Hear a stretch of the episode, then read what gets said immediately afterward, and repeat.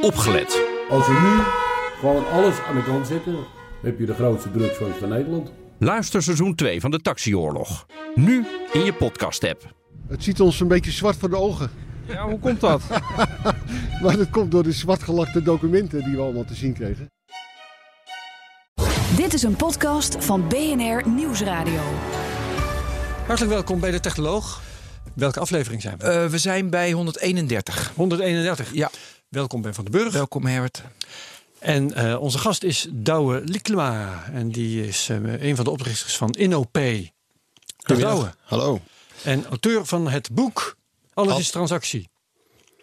Um, het transactionele internet is de juiste titel. Maar Daar gaan we het alles over is transactie, dus wel zo'n beetje de boodschap, hè? Ja. Alles wordt een transactie. En is al een transactie zonder dat we het doorhebben. Ja, uh, hey Douwe, als je, als je zegt alles is transactie, wordt het begrip daar dan niet een beetje mee uitgehold? Als uh, het feit dat wij jou hier uitnodigen, als dat opeens een transactie is, ja, wat is dan, wat is dan geen transactie? Wat, wat heb je dan nog aan het woord?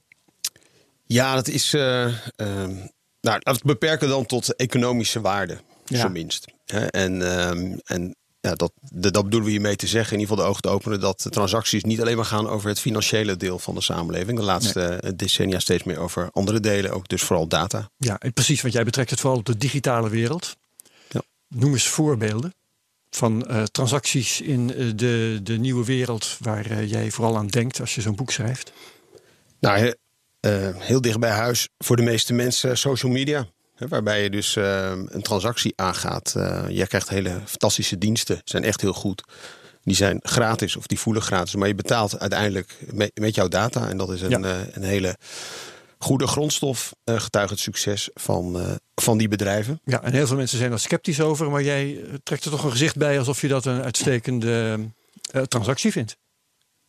Nou, in zijn soort is het een hele, vanuit de ondernemers is het een ontzettend goede transactie ja. gebleken. Na vele jaren. Ze hebben natuurlijk ontzettend veel geïnvesteerd om zover te komen. Ja. Maar nu. Uh... Maar zeg je ook uh, voor de consument, die dus betaalt met zijn data, is het eigenlijk een prima deal?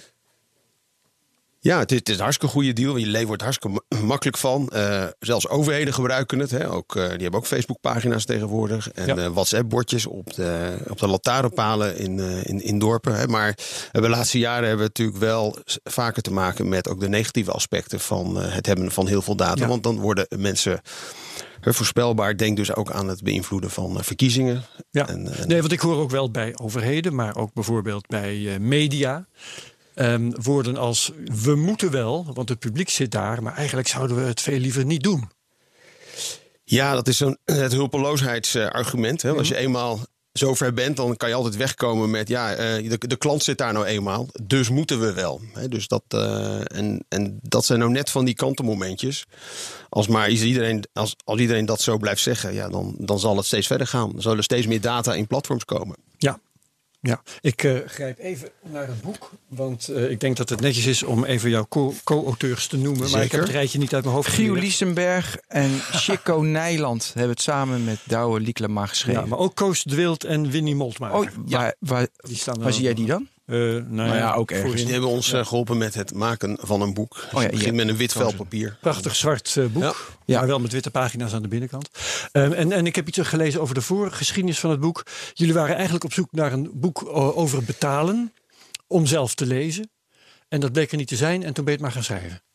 Ja, nadat we eerst uh, nou, uh, ruim tien jaar uh, werk gedaan hebben in dit wereldje. En hebben we natuurlijk een eigen blik ontwikkeld hierop. En ongeveer vier jaar geleden dachten we, nou nu is het moment om daar eens een boek van te gaan maken. Dat Ja. dacht, nou dat schrijven we zo op, maar we zijn toch vier jaar bezig geweest. Hè? Ja, want uh, jouw eigen voorgeschiedenis, uh, je hebt een hele carrière in het betalen. Kun je het zelf even schetsen? Betrokken geweest bij nou, InnoP dus, betrokken geweest bij Ideal. Maar uh, som het zelf eens even op, wat Ja. volgens jou de essentie is. Uh, we zijn in, in 2002 begonnen met, met InnoP, een adviesbureau op het gebied van innovatie en betalen. En uh, daar is een hele, hele praktijk uit ontstaan. En we doen uh, projecten op strategie en uh, productontwikkeling. Dus bedrijven helpen groeien in het digitale domein. Maar we doen ook uh, projecten die heel veel te maken hebben met ja, actoren met elkaar laten samenwerken. Nou, en daar hebben we in het begin van, vrij, vrij in het begin van InOP hebben we het project Ideal mogen doen voor de banken. Eh, hen helpen om in zeer korte tijd het Ideal standaard protocol te maken en ook te, daarna eh, te implementeren. Ja. Wat we dus binnen een jaar Ideal was in ieder geval een belangrijke mijlpaal. En daarna zijn we eigenlijk met, met, die, met die bril eh, heel veel andere projecten gedaan die te maken hebben met digitalisering en eh, platforms, tweezijdigheid. Denk aan identiteit Ja. en andere dingen. Wat zijn nou van, van Ideal de kenmerken waardoor jij zegt dat is een hele belangrijke en succesvolle ontwikkeling geweest? Nou, de, het, het was voor mij in ieder geval een belangrijke eye-opener, omdat we, eh, je ziet daar het fenomeen hoe platforms eh, werken en, ehm, en ook niet werken. Hè, want voordat Ideal was, had iedere bank zijn eigen internetbetaaloplossing. Ja. En En aangezien- software installeren en dat soort ellende dat? meestal. Ja. Maar, dus daar, hè, de, maar, maar de latere oplossingen was het allemaal online. Maar aangezien betalen een tweezijdige dienst is, je hebt twee soorten gebruikers, een betaler en een ontvanger. Eh, betekent het hebben van meerdere oplossingen dat als jij de hele markt wil bedienen als winkel, dan moet je bij iedereen een rekening hebben en eh, moet je als eh, consument ook bij elke bank een rekening hebben, het zogenaamde multihomen. En dat, dat, dat leidt tot veel frictie voor de klant, waardoor de markt uiteindelijk achterblijft. Nou, als je dus na een tijd, als iedereen tot dat inzicht komt dat het eigenlijk niet werkt. Hè, want in het begin denkt iedereen als platformspeler, ik ga de markt veroveren. Ik ga de anderen uit de markt drukken. ja. En als dat na een aantal jaar niet lukt, dan gaat de geest natuurlijk open van, goh, ja, dat wordt ook niks. We verdienen, verliezen allemaal wat eh, continu. Dus eh, hoe zou het zijn als we dan gaan samenwerken en eerst zorgen dat we een grote koek maken en dan daarna pas gaan concurreren? Nou, en dat is eigenlijk het, het, het ideal. Maar het geldt niet alleen voor ideal, geldt ook natuurlijk voor pinnen. Is dat eh, voor, de, voor de klant lijkt het één ding. Ja. Maar in werkelijkheid is het het gevolg van het samenwerken van in beginsel concurrerende partijen, maar die met elkaar een soort gemeenschappelijk domein hebben gevonden. Ja, dus Ideal is dan het platform. Maar ik vind dat we, het woord platform, wat natuurlijk een platgetreden term is tegenwoordig. Ik mag het niet eens meer noemen. We mensen vinden het gelijk stom als ik het zeg. En, en terecht. Want geef eens wat definities van platformen, van de verschillende platformen. Want Ideal is bijvoorbeeld heel een ander platform dan bijvoorbeeld dat Marktplaats een platform is of dat Facebook een platform is.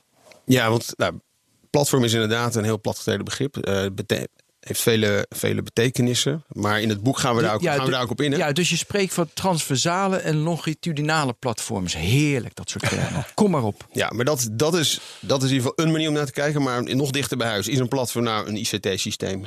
Hè, wat je ergens tussen partijen inzet? Of is het een samenwerking van ecosystemen? Nou, dat, eh, of samenwerking van, eh, van systemen? Nou, dat is ideal. Ideal is niet één platform. Hè, dat, dat denk je, ben je geneigd te denken als je het gebruikt. Eh, als je een betaling in de winkel doet, denk je ook dat is één platform. Maar in feite is het een aan elkaar geknoopt netwerk met, Ja. eh, van platforms met technische standaarden, maar ook juridische standaarden. En dus dat is al een ongelooflijk belangrijk eh, on- onderscheid. Een platform kan ook iets uit de fysieke wereld zijn. Eh, een- winkelcentrum is ook een platform. Die bedienen ook twee zijden van de markt. Eh, de Romeinse markt van eh, millennia geleden was al een platform. Dus op zich is het Ja. niks nieuws. Nee, maar ja, we gooien nu alles op een hoop. En dat vind ik een beetje, beetje lastig. Om, we hadden het net over data, over, weet je, dat dat het verdienmodel is.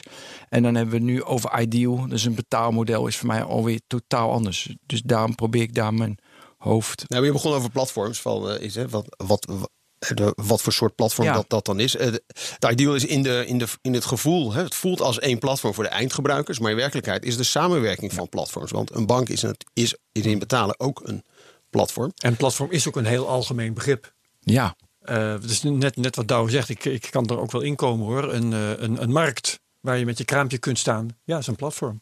ja, Ik denk dat iedereen dat ook wel aanvoelt.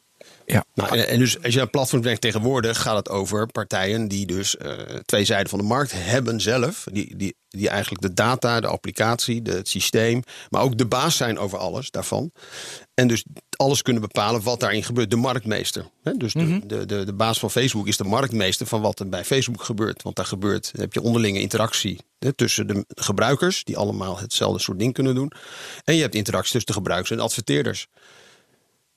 En, eh, en daar, eh, daar is dan één partij de baas van. En eh, doordat al die data dan ook van die partij zijn, kun je steeds betere diensten maken.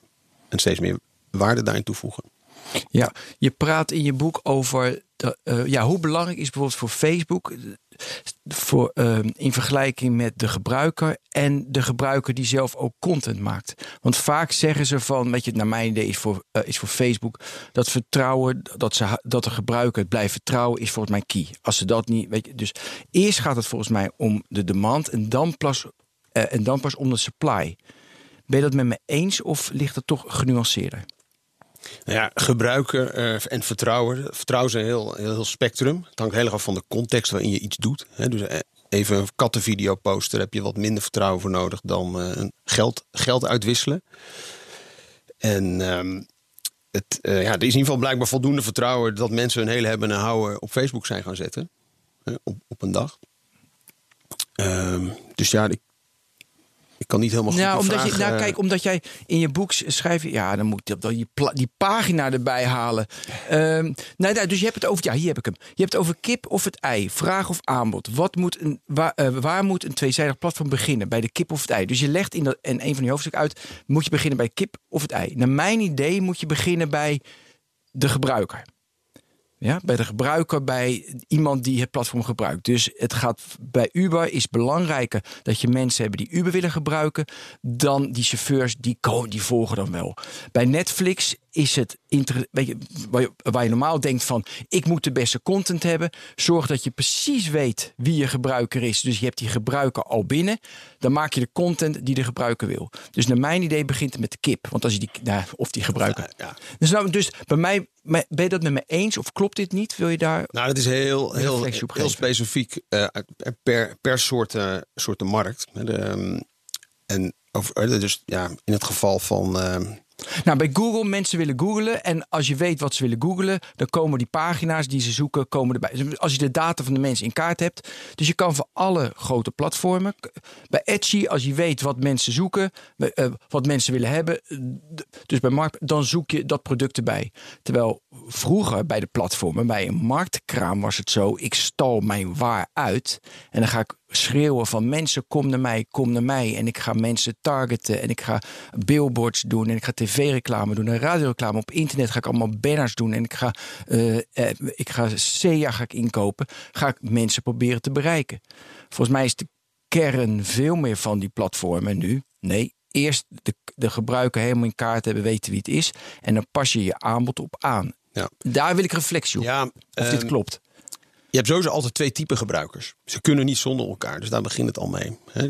Dus, dus eh, Uber die kan echt niet zonder, zonder chauffeurs. Maar je moet in je opzetten van je platform heel goed nadenken. Waar ga je het e- eerst mee aan de gang? Ja, dat- ja. Wie krijg je het makkelijkst op je platform? Want eh, uiteindelijk het, het mensen op je platform krijgen, ja, dat, dat is gewoon kostbaar. Dus eh, de, ja, bedoel je de eh. gebruiker of de suppliers?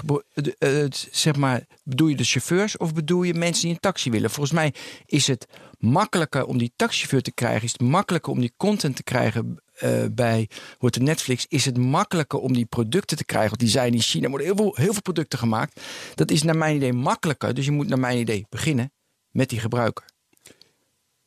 Ja, het hangt. In het Ja. geval van, van Netflix, dan moet je ook wel content hebben, anders ben je niet voor de gebruiker. Dus dan moet je eerst diepe zakken hebben om heel, eerst content op te Ja, dus bouwen. jij zegt en daarna bushokjes. samen, en dan ga je in Ja, de- ik ben iets extreem, Nee, dus ik, dat ja. hele, dat is, en dat is juist de kunst van het opzetten van platforms. Als je dat, als je daar fouten in maakt, dan kan het helemaal, helemaal van de dijk afglijden. Ja. Maar we hebben een, eh, we hebben een voorgesprek gehad, eh, Douwe. En daarin heb jij tegen mij gezegd, ik zit naar mijn eigen aantekeningen te kijken. eh, je moet mensen hebben die vanuit de klant redeneren. Dus toen vond jij zelf ook dat dat, dat, dat eigenlijk de essentie was. Ja, maar je hebt twee typen klanten. Want die taxichauffeur is net zo goed een klant van het klant- platform klant als, Uber, als die ja. reiziger. Want die taxichauffeur kan namelijk ook bij een ander platform. Maar heb je altijd twee typen klanten? Nou- Bij Uber is het heel duidelijk, maar in, in- bij het geval van Netflix is dat voor Klopt. mij een stuk minder duidelijk. Of is, of is de content maker, ja, Netflix is zelf tegenwoordig ook een contentmaker. Maar is, Ja. is die soms ook een klant Ja, van de- Netflix? Je hebt in de platformwereld, als je het woord platform in, in dit boek wordt bedoeld, dat zijn met eh, twee typen Een klanten. plek waar je, een plek waar je eh, marktpartijen bij elkaar brengt. En die Waar zijn je dan in- opeens allebei klant. Dat bedoel jij? Waar je interactie verzorgt tussen twee actoren, zonder Ja. dat je daar zelf deel van bent. Ja. Ja. En dat kan dus bellen Waar zijn. je maar- transacties faciliteert, om dat woord er maar even bij precies, te en je bent zelf niet onderdeel economisch van, van die. Je bent wel on- economisch, maar je bent niet onderdeel van de transactie. Je, je gaat niet hè, Ja. over, de, over hun inhoud. Je, je, ze laat, je laat hun dat bij elkaar vinden, maar jij faciliteert het. Waardoor, Nee, maar dat is toch niet. Oh, sorry. Waardoor, het voelt, nee, maar waardoor het voelt alsof jij rechtstreeks hè, via Facebook chat met elkaar praat. Ja. Maar, het intussen gaat natuurlijk- introduceer je wel via- eh, zelfs een nieuw type transactie. Namelijk de transactie tussen die twee marktpartijen en het platform. Het wordt opeens een driehoeksverhouding. Ja, ja omdat om dit te faciliteren wordt, gaat er wel data heen en weer. Terwijl hè, wij hebben het gevoel dat het allemaal rechtstreeks gaat als we, als, als we WhatsAppen. Ja. Maar ondertussen blijft heel spoor. Ja, maar daarom is het misschien wel handig dat je de, de zoals jij het kadert, symmetrische en asymmetrische platforms uitlegt. Want, dat, is- want dan wordt het naar mijn idee iets helderder. De bladzijde ben ik even kwijt, maar kun je dat dan uitleggen? Wat het verschil is? Want dan is het helderder tussen Netflix, dat is totaal wat anders, dan Uber is ook weer wat anders, Ja. dan Google en Facebook is ook weer wat anders. Moet ik de pagina erbij pakken? Nee, maar nee, het, het zijn. ehm, het, het gaat, het, dat symmetrische en asymmetrische, dat gaat over de propositie. Kijk, de, het, eh, het platform Skype. En daar kan je mee. Hè, met een Skype hebben we allemaal hetzelfde propositie. We kunnen bellen en gebeld worden. Ja. Dus je hebt niet een aparte propositie voor alleen maar telefoontjes ontvangen. Of alleen maar een propositie voor, voor bellen. Terwijl met ehm, betalen heb je wel twee symmetrische, of een, een asymmetrische propositie. Waarbij je een, een ja. rol hebt die alleen maar, hè, dat is meer het, het, het kip- en het ei verhaal. En eh, heb je dus die, die zijn twee heel erg afhankelijk van elkaar om, om het platform te laten groeien. En, daar, eh, en met, en met zo'n zo'n symmetrische propositie heb je dus ook, eh, ook natuurlijk net zo goed netwerkeffect als met, eh, met de asymmetrische propositie. En dan ben je dus ook afhankelijk van hoeveel mensen erop komen. Maar ze zijn allemaal van hetzelfde soort, hetzelfde type gebruiker die je daarbij hebt. Ja, nou kijk, op meterniveau is het natuurlijk allemaal hetzelfde. Het is gewoon een platform. Maar wat ik wel een aardig onderscheid vind, is dat je, zeg maar, aan de ene kant, dat noemde ik net, heb zeg maar Netflix. Dus ze maken zelf content en dat, eh, eh, weet je, en dat licenseren ze. Ze weten de gebruiker heel goed. Dat is een type platform. Dan heb je diepe zakken nodig om goede content te maken. Daar maken ze ook nog weinig winst. Dan heb je twee, dat is Uber. Die hebben geen eigen Ja, content. maar Dat even, eh, even, even Netflix, die hebben dus content van zichzelf, maar ook content van anderen. Ja, en, dat maakt het een platform. Maar dat is hetzelfde als dat Amazon, die heeft zelf een winkel, koopt zelf dingen in en neemt risico op zijn voorraad. Ja. Maar laat ook andere mensen hun stalletje bij Amazon neerzetten. En dat is een beetje de evolutie van die platforms. Dat ze eerst begonnen als, oké, het Amazon in dat geval was eerst zelf de boekenwinkel, maar ging later ook andermans boekenwinkels ja, hosten. net zoals Bol, eh, weet je, Bol com dat nu ook doet. Com, ja. En Netflix doet dat ook. Die is eerst begonnen vermoedelijk met andermans Ja, alleen maar die- content. ja, die andermans en later, alleen maar. Toen, ze, toen zijn ze later bedacht, oh, wij gaan ook content maken. Dus de omgekeerde route. ja, dus die, zijn zelf dus ook in die keten gaan zitten, daarin. Ja, En zijn zelf eigenlijk ook een, ook een van die aanbieders, net als hun concurrenten. Ja. daarin. En dat is natuurlijk hetzelfde met AWS, Amazon, eh, eh, met hun webservices. Die maakten het eerst alleen voor Amazon, eh, de, de IT van Amazon. En later zijn ze dat gaan uitventen naar andere partijen, die ook dat soort IT nodig hadden. Ja, uiteraard. Dat is voor Amazon. Ik zit een beetje van, ik koop gewoon serverruimte bij Amazon. Dus dat is leuk dat, weet je, dat het een platform is in de naam. Maar ik koop gewoon daar iets. Zoals een marktplaats. Ik koop daar een good. Maar het is wel opmerkelijk dat het ooit vroeger een boekenwinkel Uiteraard, was. ja, ja, ja, ja. Ja. klopt. Dus- Eh, maar dus dat onderscheid, ja, maar ik, dat, ik vind dat onderscheid toch prettig. Dus wat ik zei, eh, inderdaad, Netflix eerst licenseren, toen eigen content. Dan heb je Uber, geen, eh, die hebben geen eigen content. Eh, en eh, dus, die, dus die zitten er precies tussen. En Facebook, dat vind ik zo interessant, omdat inderdaad mensen met data betalen. Maar ja, dat is wel wat, dus de adverteerder is de klant. Dus, dus dat is weer een derde. Dat onderscheid lijkt mij voor die platformen. Nou, wat, wat leuk is, Reza, net dat Uber, hè, die gaan ook eigen content maken in de zin dat zij zelf auto's op de markt gaan Ja, zetten. dat doen ze met die stepjes. En dan hebben ze één deel van de, hè, met zelfrijdende auto's. Dan gaan zij die auto's kopen en dan hebben ze dat deel van het platform Ja. verzorgen ze zelf. Dus En zie je ook ervan alweer die uitgaan dat het ze gaat Ja. lukken. Want Ja. dan kun je ook nog gaan twijfelen. Maar goed. Dit, dit zijn de plannen. Ja, en dat is interessant dat Facebook natuurlijk dacht, dat gaan ze niet meer doen. Maar ook twee, drie jaar geleden gingen ook zelf, weet je, video, zelfs content, zaten ze ook. Dat doen ze niet meer hoor, natuurlijk niet. Nee. Maar weet je, ik snap, dat is een verschuiving. Ja. Eens. Nee, dus even naar, terug naar Facebook. Hè. We, ehm, daar heb je dus het effect dat er symmetrische proposities op zitten. Ja. Want we hebben alle, wij lezen en posten. Maar daar zit, eh, daar, hou je elkaar lekker bezig. En Ja. ben je heel erg met dat platform bezig. En daarnaast, daar dwars doorheen, hebben ze een propositie naar adverteerders. En die zich richt op die grote groepen mensen. Dus dat, dan heb je dus ehm, eh, je hebt multi-sided op zo'n moment. Ja. Nou heb je eh, in, in dit geheel heb je de kwestie van vertrouwen en van identiteit. Eh, dingen die veel met elkaar te maken hebben. Kun je daar eens over filosoferen?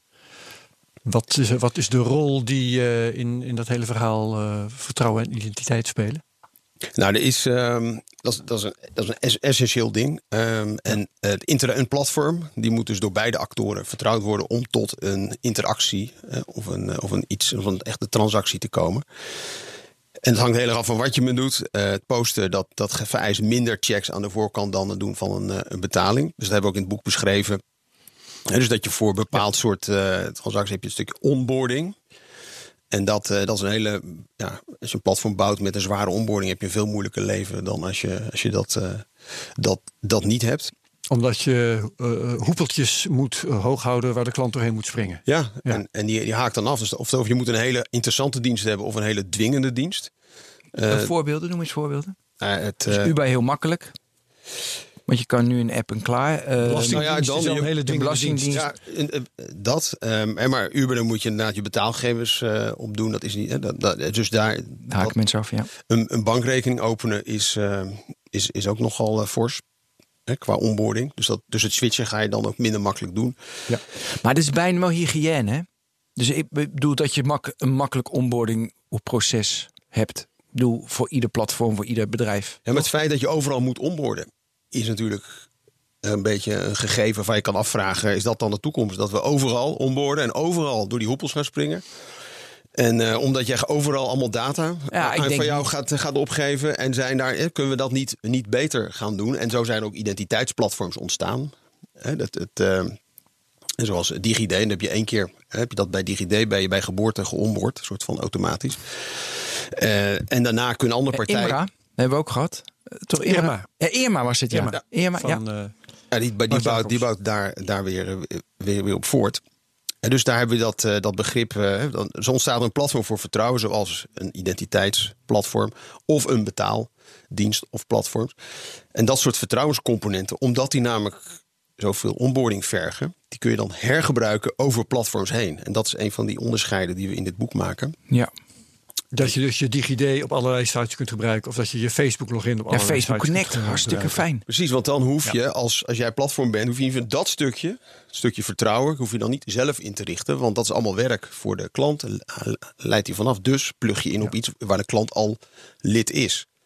Nou, en, dat, eh, en daar is vanuit betalen vind dat heel normaal. Daar geef Eh, je maar- ook wel iets mee prijs. Hè? Want eh, als je ervoor kiest, daar, veel bedrijven weten daar intussen alles van, om mensen te laten inloggen met Facebook. Dan gaan allerlei data die jij had kunnen hebben, die gaan naar Facebook toe. Ja.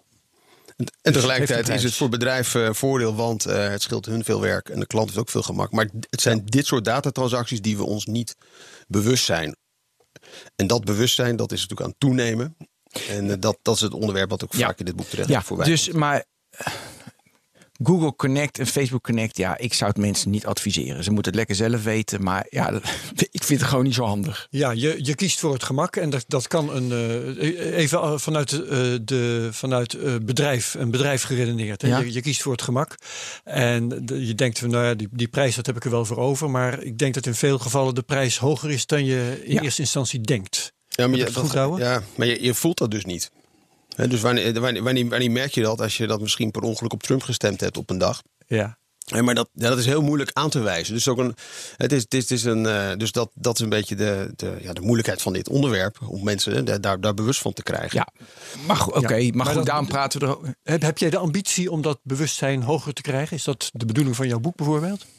Jazeker. Ik, de, Ja. ehm, ik ben echt, echt uh, daar, daar moeten we ons veel bewuster van zijn dat we, zoals heel expliciet financiële transacties aangaan, moeten we veel explicieter datatransacties aangaan. Nou, vorig jaar hebben we daar die wet voor gekregen, de AVG of GDPR-wet. Ja. Hebben we in één keer alle rechten gekregen op onze data. Maar feitelijk is er voor de gebruikers eigenlijk heel weinig veranderd. Nee, dat is Voor- al wat dichtgetimmerd met meer uitgebreide voorwaarden waar je toch weer oké tegen zegt. Precies, de- dus alle, alle bedrijven zijn eh, compliant, hè, maar de, bedrijf, de, de gebruikers hebben niet eh, die tools gekregen. Terwijl data delen eh, is ook een tweezijdige markt aan het worden. Het, het, alles wat een alle op alle nodig heeft, en dat zie je met, eh, met persoonlijke data dus ook, vergt iets van een vorm van infrastructuur. Maar dat is dus niet in de wet opgenomen. En we zitten nu met een situatie dat eh, ja, jij kunt nergens je data echt actief delen. Je data zit er gewoon bij een bedrijf, die is hartstikke compliant. En dat is het voorlopig. Maar er is niet gezegd, goh, laten we dan ook de, de bevolking gaan faciliteren om hun datarechten ook goed uit te oefenen. Ja, daar wil ik graag op ingaan. Maar ik wil nog even terug Ja. naar wat je zei over de AVG. Kijk, je kan wel zeggen, daar heeft de gebruiker niks aan. Ja, maar uiteindelijk wel, want de data eh, zit niet meer. Een, een bedrijf heeft minder data van mij. En dan kan het bedrijf minder misbruik tussen aanhalingstekens maken van mijn data. Want per default moeten al die eh, moeten de marketing cookies en de social media cookies uit. Heel veel bedrijven doen dat niet trouwens. Dus ik zet ze allemaal uit. Eh, dus, hebben, ze- dus kunnen ze minder misbruik maken. Dus ik vind de gebruiker, dat merkt hij niet direct, maar indirect heeft hij daar wel profijt van. Of zit ik mis?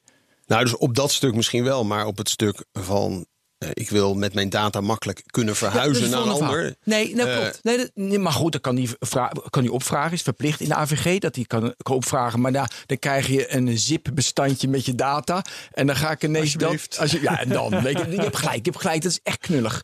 Dus eh, de vraag die je zei van faciliteren, want dat vind ik een interessante. Faciliteren van je data voor diensten. Dat je denkt van oké, ik krijg wel die zip en ik kan er iets mee. Daar een, ook weer een platform voor. Hoe zie je dat voor ik, je? zie, ja, ik zie dat niet echt als een platform voor me. Eh, al jouw data is gewoon verspreid op allerlei allerlei organisaties, inclusief de overheid. En dat jij anderen toegang kunt geven tot jouw data, maar dan wel onder controle geeft. Ja, Hè, dus dat, daar eh, pleiten dat- we vaak voor. Ja. Dat je daar dus een, en, en dus die, die gestandardiseerde manier om ergens te zeggen van oké, ik heb hier overzicht, daar staat mijn naam op verschillende plekken en ik die partij wil mijn naam weten. Nou, heb je hier een sleuteltje, ik ga het daar maar ophalen. Even in de, in de eenvoudig gezegd. En dat je dat dan kunt managen op een plek die jij kiest. ja. eh, dat, dat, dat is een heel soort nieuw soort pro- propositie. Dat je datatikkies gaat ontvangen in plaats van geldtikkies. En ben je dat aan het ontwikkelen? Ik ben de geesten rijp aan het maken dat dit een stuk infrastructuur is die we nodig hebben voor de digitale economie. Want als we dit zouden hebben, dan kan onze relatie met platforms die leven van onze data één keer heel anders worden. Dan zou jij namelijk te- tegen Facebook kunnen zeggen: Nou, jij mag mijn data hebben voor x periode. En eh, ultiem kan je ook denken aan datadividend. Dat Facebook ons terugbetaalt, ons eh, werkelijk financieel schadeloos stelt voor onze data. Dat. En, eh, maar dat en dat je ook makkelijk kunt verhuizen naar een ander platform. Of nog, Ja. nog sterker, is dat, eh, dat er andere sociale media platforms zijn. En dat wij wel mekaars vriend kunnen zijn zonder dat we bij hetzelfde platform zitten. Dat is namelijk iets wat heel dat normaal is. Het fijn zijn, ja. is namelijk heel normaal in de, de, de belwereld, de e-mailwereld. En de bankenwereld. En de bankenwereld. Je hoeft niet allemaal bij dezelfde bank te zitten om een betaling te doen. Terwijl om elkaar te bellen. Eh, in, eh, in- op, op internet moet je eerst afspreken bij welke provider zit jij. Terwijl als je wilt bellen met je 06-nummer, hoef je dat niet af te spreken. Ja. En dat is er niet vanzelf gekomen. En eh, dus dit, dit is ook wat ik voor me zie als ik in de krant lees over hè, breaking up eh, Facebook of, an- of andere social media. Is eh, als je dat, dat soort technisch kan dit allemaal. Dus als je dit zou, zo kan organiseren, dan ben je in ieder geval zelf meer in charge. En dan kunnen ook andere partijen toetreden tot die markt. Die, die privacywetgeving AVG, GDPR, die is ehm, geframed, als ik het zo mag zeggen, als iets waardoor consumenten meer rechten kregen. Hè, alsof er iets afgenomen werd van, eh, van eh, de bedrijven waar het om gaat. Terwijl eh, uit onze voorbereiding heb ik de indruk gekregen dat jij daar anders over denkt. Dat, dat volgens jou de, die privacywetgeving ook in het belang is van de industrie. Heb ik, die, is die indruk goed?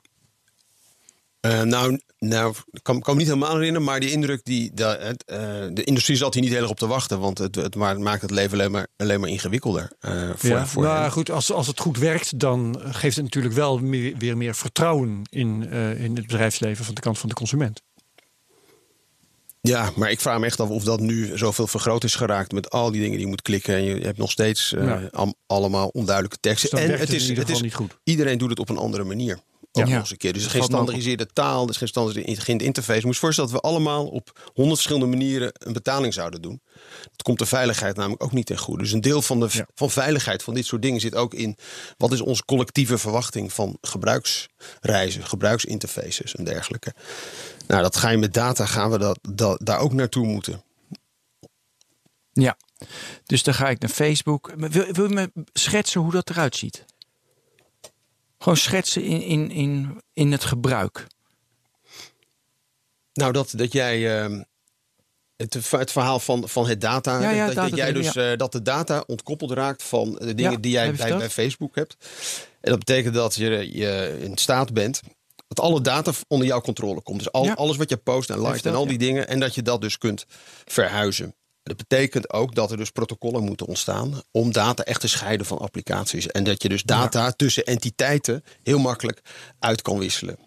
Nou, eh, Tim Berners-Lee is een heel nieuw project begonnen. Ja, eh. Solid. Eh, hebben we hier over gehad. dat is daar dus, dat staat ook in ons boek, dat, dat is rondom dat idee ook ehm, aan, aan het ontstaan.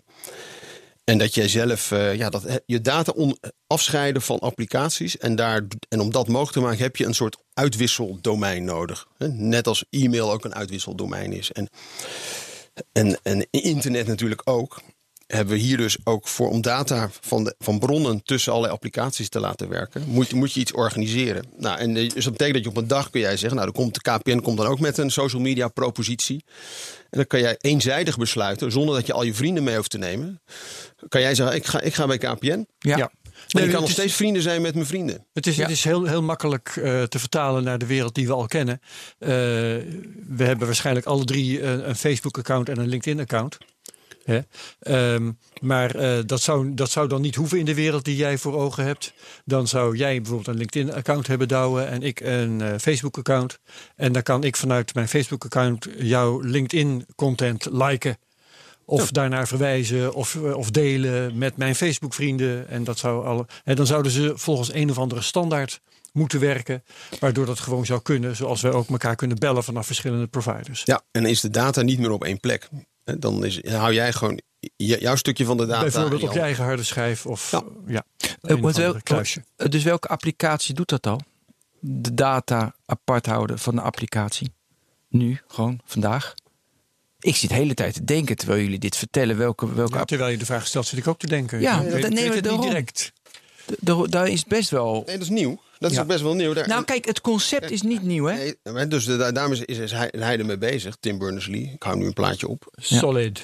Is, is dat je dus daar... Ja, het, Ja, nee, maar kijk, het concept is niet nieuw. Hè? We denken al, Herbert, hebben we het er vaak over gehad. Ja. Het concept, maar met, met Irma natuurlijk ook, weet je. Dus het concept is niet nieuw. Alleen de, dan echt de, de Voor wie het toepassing. niet weet, Irma is een, eh, een app waarmee je je kunt identificeren Ja. op allerlei verschillende plekken. Eh, dus daarom is mij, dat, ja, dus dan neem ik aan, hé, er zijn er nu al jongens denken van, oké, de social media platformen van de toekomst, dan moet ik de data scheiden van de applicatie. Dat, daar zijn mensen mee bezig.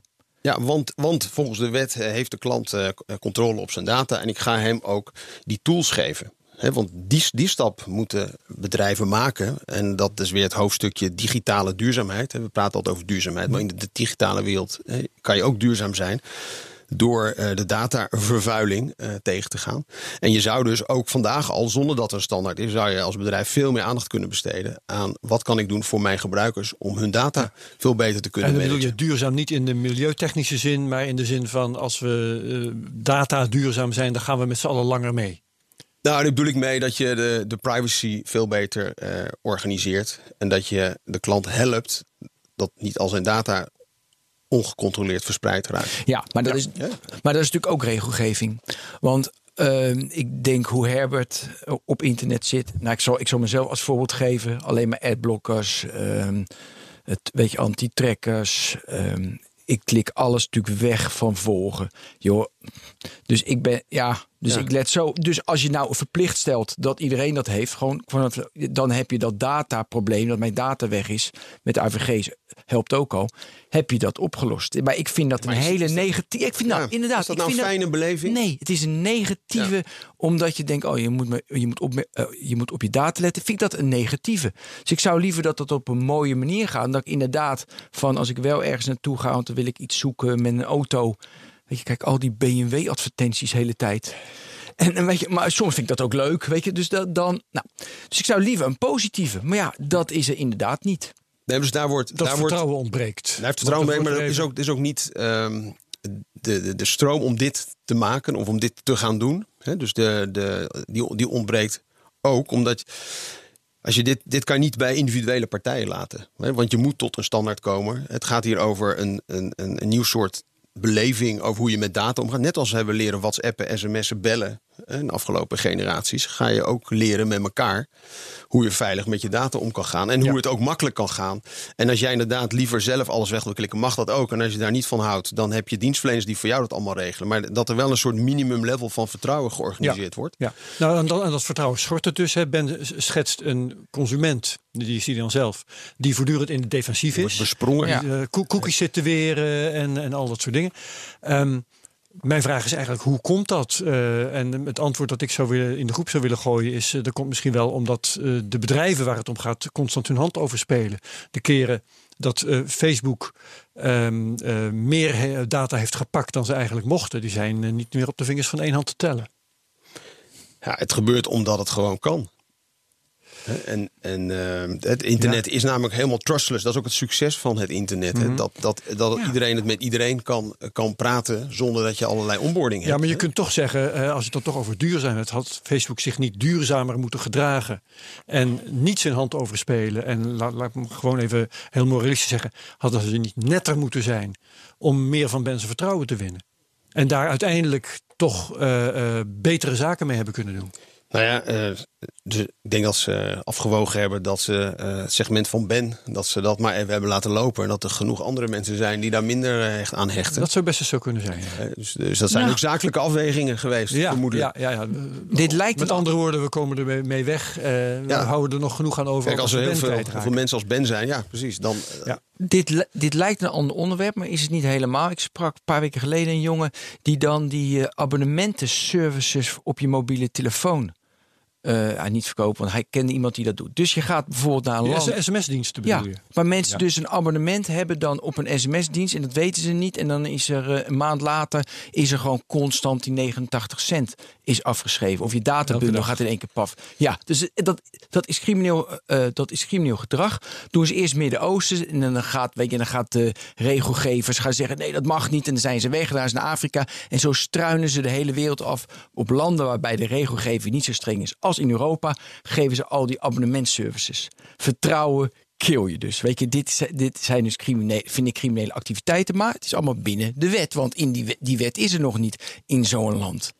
Waarom ik dit verhaal vertel? Omdat ehm nou, heel erg met regelgeving wat te doen. Ja, dus voor, voor de rest weet ik het eigenlijk ook niet. Maar ik vind wel de, de criminaliteit en de duurzaamheid. En daar kwam ik op. En Facebook had dus, weet je, je kan van tevoren bedenken, haha, heb je heel veel geld verdiend. Maar het is niet duurzaam. Uiteindelijk red je het niet. Ja. Met zo'n businessmodel. Ja, dat- Daarom vertelde ik het. En er zitten dus nu ook in het, in het defensief. eh, op dit onderwerp Ja. wordt er dus ook gesproken over op, opbreken. Hey, je triggerde me net met een woord over dat je zei van het is weet je, open internet. Want je spreekt helemaal in het begin van je boek op weg naar het transactionele internet. En dan zeg je, we hebben fase 1 is de informatie, fase 2 is interactie.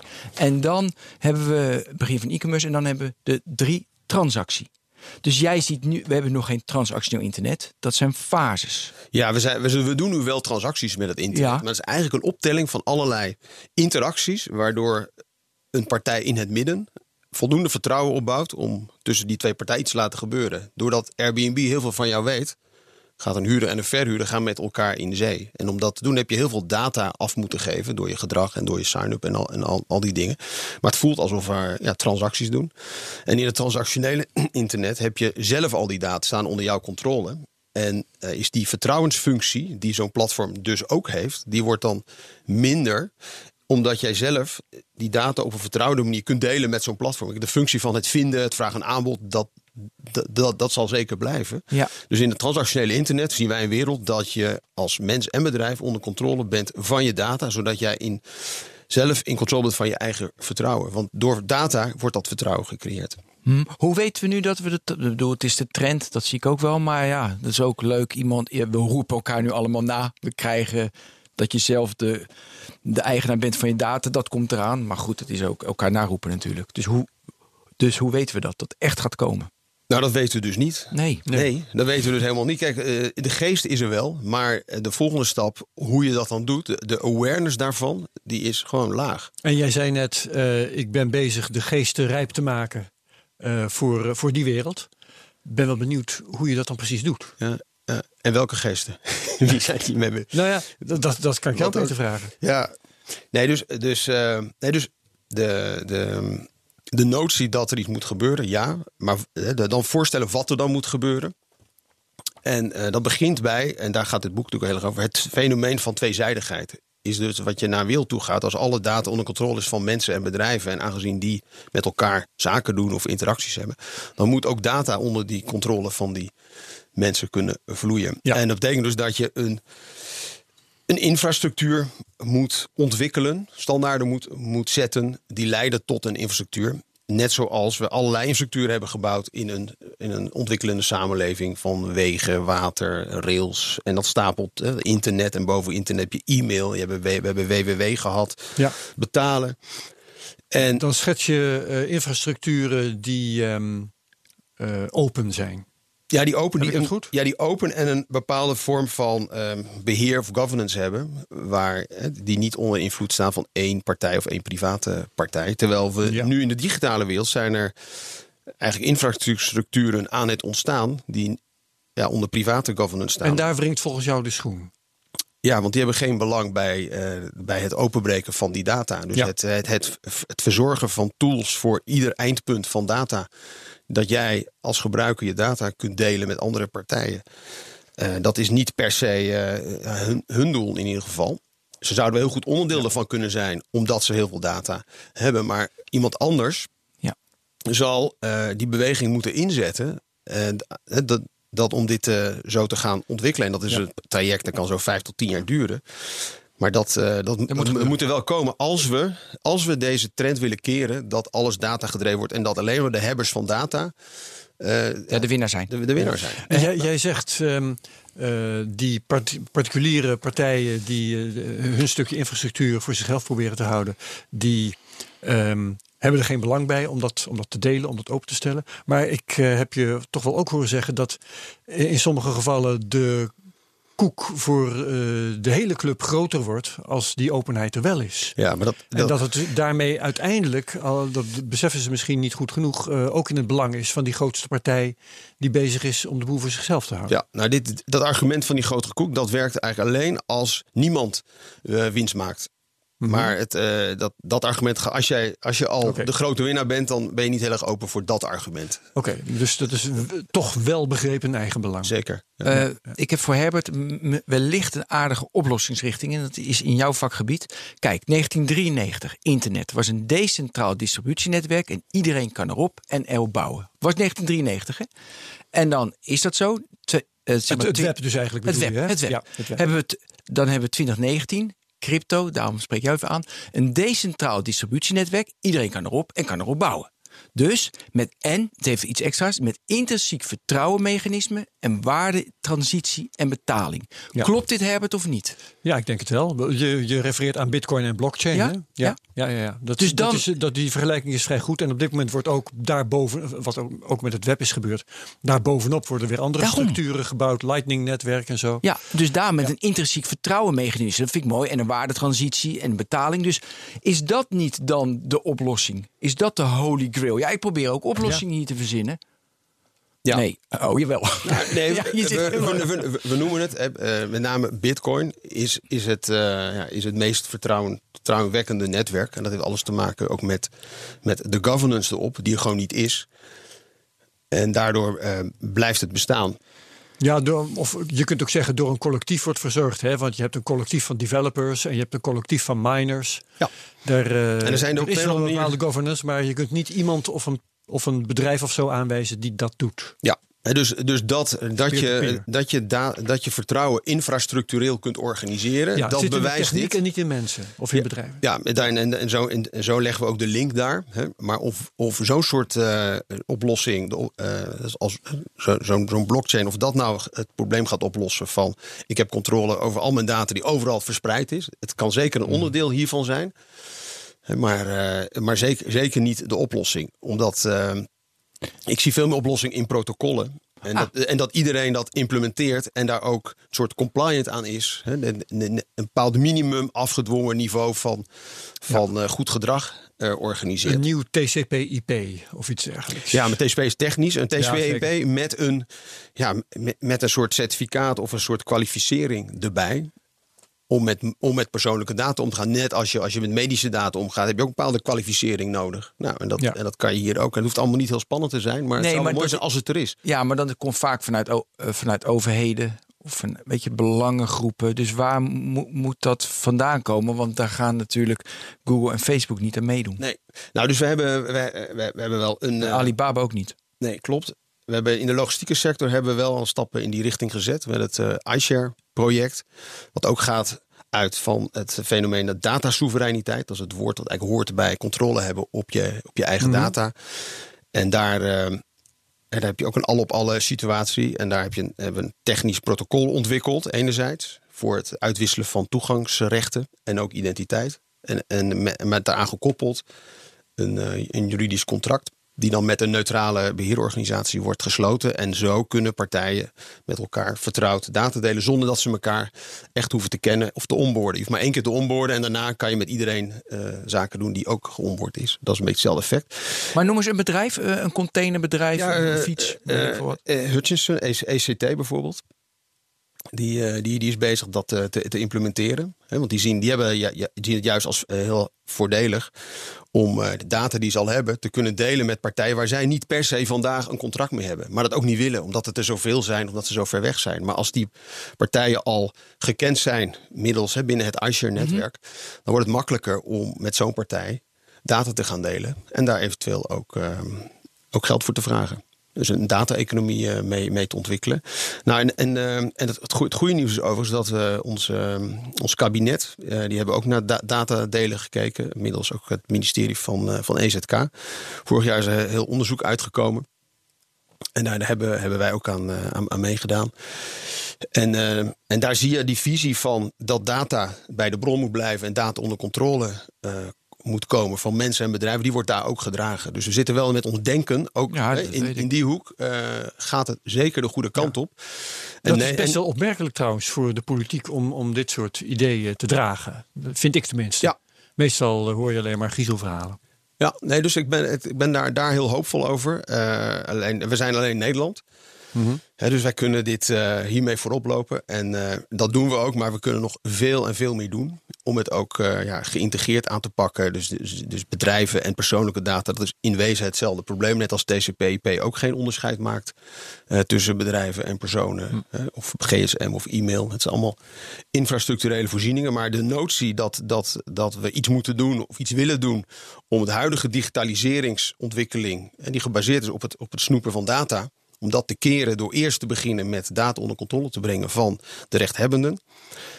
Dat als een soort infrastructuur. En ik ben ervan overtuigd dat dat eigenlijk het belangrijkste is wat we moeten doen als we de, de, de geschiedenis, de historie van digitale economie willen veranderen, een andere wending willen geven. Ja. Eigenlijk een soort wissel op, op de ontwikkeling van de digitale economie zit op het Ja. punt, laten we data onder controle Ja, brengen. je triggert me met het woord van de data bij de rechthebbenden krijgen. Ik rijd de stad in. Ik word, er wordt allemaal data over mij verzameld, want ik rijd met mijn auto in de stad. En, en van wie is die data? Dit voorbeeld geef ik omdat het natuurlijk vaak onduidelijk is van wie de data nu is. Ja, het, eh, eh, het publieke domein is niet meer eh, zeg maar anoniem. Nee. Dat, dat, dat, Ja, dat is ja, jouw punt. ja, dus, Maar er zijn ook verschillende soorten data. Hè. Je hebt data van eh, camera's op straat van de overheid die eh, kentekens registreren bijvoorbeeld. Is van de overheid. Maar dan? je hebt ook eh, data van eh, jouw autofabrikant. Ja. Eh, en dat is meer in de privésfeer, schat Ja. ik zo in. Ja. Maar zelfs bij je autofabrikant is het al nu de vraag van wie is die data. En dat was Ja. echt, oh, dat was mooi. Een paar weken geleden had Lies Plammers volgens mij, de Digital Officer in de FD, een mooi artikel geschreven. Dat inderdaad hetzelfde verhaal als jij. Mensen moeten zelf eigenaar van data zijn. Ja. Dan vroegen ze Peugeot, je hebt gelezen, echt ja, topstuk. centrale server. Ja, centrale server zei hij. Ja, en dat hij dat ook doet. Dat hij gewoon naar buiten. Visie. En toen eh, werd een reactie ge- gevraagd van allemaal autofabrikanten. En toen zei Peugeot, oh die PR-manager hier was zo de lul. Die zei van, alle data is van ons. Alle data is van Peugeot. Ja, dat kan je natuurlijk als PR-man nooit zeggen. Dus dat vond ik grappig. Eh, Dus, maar dus die kwestie van wie is de data is een puntje. Absoluut. En de automotive sector is in ieder geval een sector waar dit al eh, heel actueel is. En eh, dat, daar is ook het ministerie ook mee bezig, het ministerie van, van, van EZ. Want data bepaalt dus ook het level playing field tegenwoordig. Het hebben van data kan je een hele sector mee veranderen. En daarom is het ook een, eh, een, een, een onderwerp wat ook beleidsmatig aandacht nodig heeft. Ja, dit is een heel politiek antwoord hoor. Maar voor wie is nu de, de, de, de data als ik de stad hier rijd en ik Nou, word opgenomen met camera's, de wifi-frequentie, nou alle data die over mij wordt. Nou, die, die is eh, in ieder geval ook van jou. Laten we, het, laten we het dan daarop houden. Dat schrijven we ook in het boek. Is in ieder geval niet van één partij. Dus het eigenaarschap van data dat is ook een onderwerp. Hè, daar wordt altijd over gesproken alsof het net een fysiek ding is. Maar data is toch echt anders dan een fysiek ding. En zeker als je het hebt over interacties. Er zijn altijd twee partijen bij betrokken. Dus jij bent altijd... In ieder geval zelf heb je ook die data. Of zou je moeten hebben. En dat is natuurlijk het hele probleem vandaag in de digitale wereld. Is Alleen de andere kant heeft heel systematisch jouw data geregistreerd. Maar jij zelf hebt dat niet. dat zie je nee. met GDPR. Ja, maar er is nog een probleem. Alles is nu data. Want kijk, vroeger liep ik door de stad. Ge- geen ja was wat data, maar we konden dat niet meten. Dus er was geen data. Maar nu, mijn handeling met mijn arm is straks data. Het is natuurlijk mijn beweging. Dus het is mijn beweging die data opwekt. Maar de lucht die verplaatst is de lucht die je in de BNR... Snap je? Dus dat Daar word je helemaal gek van. Daar word je helemaal gek van. Ja, ik weet- Maar, maar goed, dat moet je wel gaan doen. Want die problemen komen er wel. Of uitdagingen. Of, eh, ja vooral uitdagingen. Maar Inderdaad. kom ik even terug op de vraag die ik net stelde. Wat, wat doe jij nou zelf? Want eh, je hebt een boek geschreven. En je zit hier in een podcast je boodschap te verkondigen. Maar ga je ook eh, met je aktentasje eh boardrooms rond om het, de blijde boodschap te verspreiden? Of laat je het bij zo'n boek? Nee, Dat is zeker. mijn vraag eigenlijk. Zeker niet. Is, ik, ik vind het zelf een heel be- belangrijk onderwerp. En mijn, mijn, mijn team ook. We doen veel, veel werk op dit gebied. Bij NOP bedoel Bij? NOP. Ja. En wij, wij doen ook werk eh, eh, voor, voor het ministerie, maar ook voor sectoren. Dus over, overal waar groepen, partijen bij elkaar zitten, die, die voelen iets met data te, te moeten doen. Daar, Mhm. daar zijn wij mee bezig. Dus we zitten in verschillende sectoren over dit, dit, dit onderwerp. En, en ook werken we aan het verhaal dat ook je kunt als individuele leider ook wat doen. Het gaat hier ook over leiderschap. Van, het is heel makkelijk om te zeggen, ja, de, de mensen zitten allemaal op Facebook en dan ga ik dus ook maar op Facebook. Hè. We blijven, Daar word je niet voor ontslagen, hè. dat voor alle duidelijkheid Klopt, als je ja. dat zegt. Hè, maar wij zoeken eigenlijk naar mensen ook die, die net even wat verder willen gaan en die daar ook de leidingen willen nemen en die zich ook verantwoordelijk voelen. Want je kunt ook als individuele leider nu dingen doen om dat dataduurzaamheid en om dat beheersing voor jouw klant in ieder geval mogelijk te maken. Want als iedereen dat nou gaat doen, dan kan je het uiteindelijk dat wel weer aan elkaar breien. Dan komt die noodzaak vanzelf. Dus we werken eigenlijk op, we werken aan de collectieve kant, maar ook aan de individuele kant op dit onderwerp. Ja, en wat je dus doet is als jij bij bedrijven zit, het, want dat, dat, dat triggert mij. Het onderscheid tussen de applicatie en de data, dat je dat apart maakt. Ja. Dat, dat je- is dus de kern. Ja, en dat je dus ook organiseert dat data die bij andere bedrijven zitten, dus compleet andere entiteiten Ja, of ja, ja. jurisdicties, dat je die helemaal integraal onderdeel kan maken van jouw processen. Dat moet het andere bedrijf ook willen. Moet maar- je ook willen, precies. Hè? Maar dan, ehm, dat dat helemaal ja, seamless door elkaar heen loopt. Maar dat niet al die data gekopieerd hoeft te worden. En dat je het aan heel makkelijk aan en uit kunt zetten. En dat je heel makkelijk controle op die data hebt. En dat er ook de juridische voorwaarden die bij die datadeling eh, hoort. Eh, dat die ook geregeld zijn. Nou, in de logistiek is, hebben we daar hele, hele praktische cases. Dus het gaat, we doen ook heel veel praktisch werk op, eh, Ja. op dit. Ja, En je noemde ook een, eh, een, een, eh, een protocol of protocollen. Dat zou onderdeel eh, moeten zijn van de oplossing. Hè? Dus eh, een bepaalde vorm van techniek. Propageer jij ook eh, iets bepaalds op dat gebied? Eh, niet Of kan het jou niet schelen? Nee, Als nee. er maar Als, als, als er maar iets is wat gebouwd is op eh, wat gebruik maakt van zoveel mogelijk standaarden die Wat al open zijn. is. Nou, binnen- iShare gebruiken we natuurlijk OAuth en OpenID en JSON, al die moderne API-gestuurde dingen. Maar inderdaad, eh, als er maar iets komt wat makkelijk ook te gebruiken is. En, eh, en daar zijn legio voorbeelden van. Ja. En wat ook adoptie leidt. Dus een, eh, protocol is één ding, maar het wordt pas succesvol als het ook geadopteerd wordt. Precies. En dat kan je enerzijds doen door hele aantrekkelijke toepassingen. Maar ik denk voor De dit, eh, dat, ja. dat eh, als je het snel wil doen, dan zal ook iets van, eh, ja, van, van dwang moeten komen. Uiteindelijk. Oh, dat, is, dat is een gevoelig, gevoelig onderwerp. Ja, maar dat, dat, va- vaak zie je met dit soort dingen, dan begint het een ontwikkeling vanuit de markt. Maar dan wordt Ja. het laatste zetje, kan je zeggen van nou, het moet over vijf jaar, moet iedereen die met, met data werkt, moet minimaal hier en hieraan voldoen. Zo'n soort dwang. Oké, Ja, een dwang in de vorm van regelgeving. Voor voorspelbare, Ja. doch eh, zachte, doch strenge dwang Niet zo uiteindelijk. van iedereen wordt nu verplicht om Solid te gebruiken, bij wijze van spreken van Nee, Tim nee. Berners-Lee. Ja, juist niet. Er zijn namelijk heel veel innovatieve oplossingen op dit gebied. Je hebt na, naast Solid, uh, nou, hele, ja, data management platforms zijn er heel lang veel mensen mee aan het werk. Maar je, je, we komen er niet door te zeggen oplossing A of oplossing B. Dus je, je, je, moet iets definiëren dat al die oplossingen met elkaar, dat, dat die ook binnen aan die eisen voldoen. Zodat als een bedrijf kiest voor één oplossing, dat die in ieder geval werkt ook met die andere oplossing. Dat je niet weer Ja. eilanden creëert. En dat iedereen zijn oplossing mag, mag eh, creëren, mag ontwikkelen als hij maar voldoet aan de voorschriften, de regelgeving, de vereisten. Ja, dus en, en in ieder geval dat je die interoperabiliteit behoudt en dat onderlinge vertrouwen, zodat je voorkomt dat er weer eilanden en gesloten silo's eh, ontstaan. En zo'n voorbeeld is ideal, even uit de betaling. Want ik wil even voorbeelden Ja, hebben, dus, zodat mensen ehm, gelijk... Betalingsverkeer is, eigenlijk, is ook datadeling aan alle letteren. Want in feite, wat jij, enig wat jij doet, je hebt, eh, een, eh, je hebt een in- instelling die jouw data heeft. Die heeft jouw, jouw betaaldata. En in een winkel geef je een pincode in, waardoor je eigenlijk een, een datadeling doet namens jou met de bank van de winkelier. Nou, Dus dat is een heel klein stukje data waar heel veel vertrouwen in zit. Ja. Dus, en dat is eigenlijk datzelfde idee. Daar hebben we het hier eigenlijk de hele tijd over. Ja, en GSM is ook een voorbeeld van, eh, van iets dergelijks. Hè? Ja. Van een eh, technisch, eh, ze noemen het geloof ik een afsprakenstelsel. Hè? Marcel van Galen in de technoloog nummer 17. Dat hij dat uit zijn hoofd weet, die man. Nou, ik heb het nagekeken in de voorbereiding. Ja, maar die- Stel je voor. oh, jammer, Herbert. Ja, ik kan wel doen alsof, maar goed. Ja, Ja. toch? ehm, ja, afsprakenstelsels. Afspraken, Ideal is een afspraakstelsel. GSM is een afspraakstelsel. En, en dat is ook een grappige GSM-historie. Is natuurlijk, dat is, ehm, had ook anders kunnen lopen met mobiel telecom namelijk. We hadden namelijk ook twee grote providers kunnen hebben. Eentje in China en eentje in Amerika, waar we allemaal bij hadden gezeten. Dat is niet gebeurd. en omdat dat we in Europa. niet had kunnen bellen.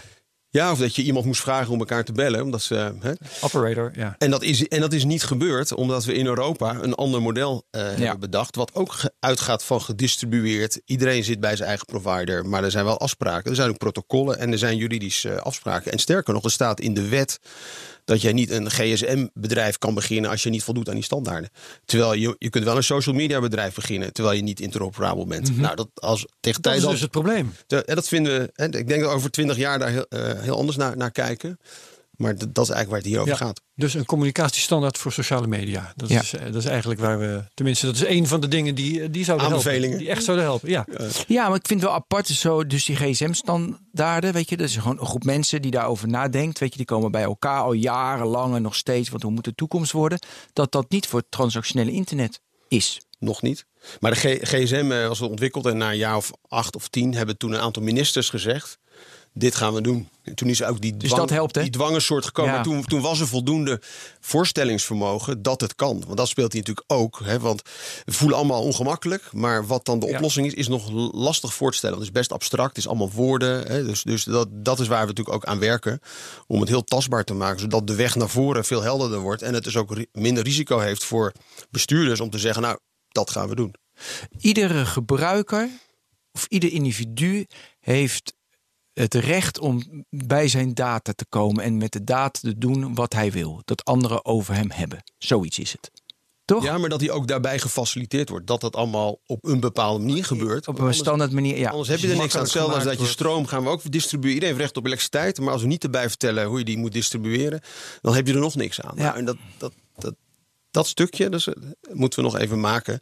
Maar dan gelijk voor, de, voor Europa te beginnen. Ja. En daarmee kunnen we ook dus. eh, ja, Je hebt het ons nu zitten uitleggen. Je legt het ongetwijfeld vaker aan mensen uit. Niet alleen in je boek, maar ook gewoon eh, in gesprekken.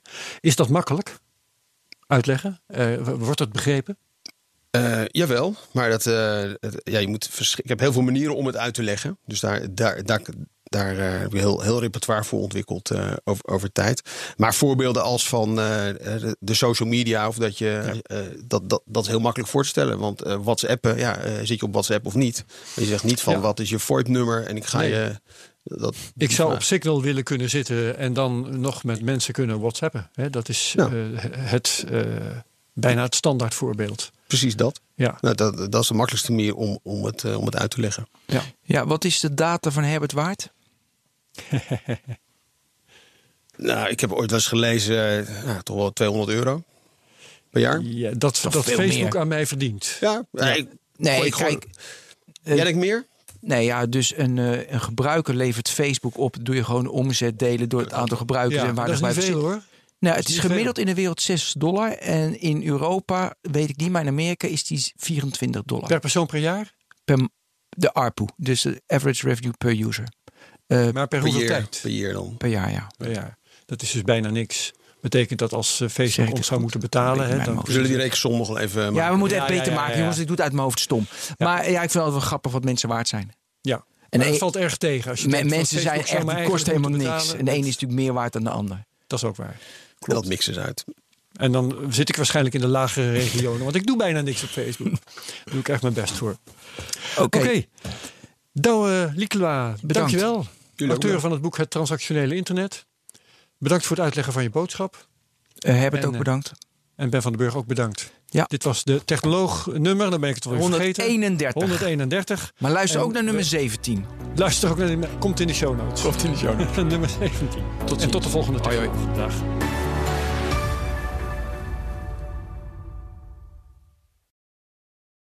Ook Diana Matroos vind je in de BNR-app. Ja, inderdaad. Je kunt live naar mij luisteren tijdens de Big Five. Ook handig in de BNR-app. Breaking nieuwsmeldingen, maar ook het allerlaatste zakelijke nieuws. En je vindt in de app alle BNR-podcasts, waaronder Wetenschap Vandaag. Download nu de gratis BNR-app en blijf scherp.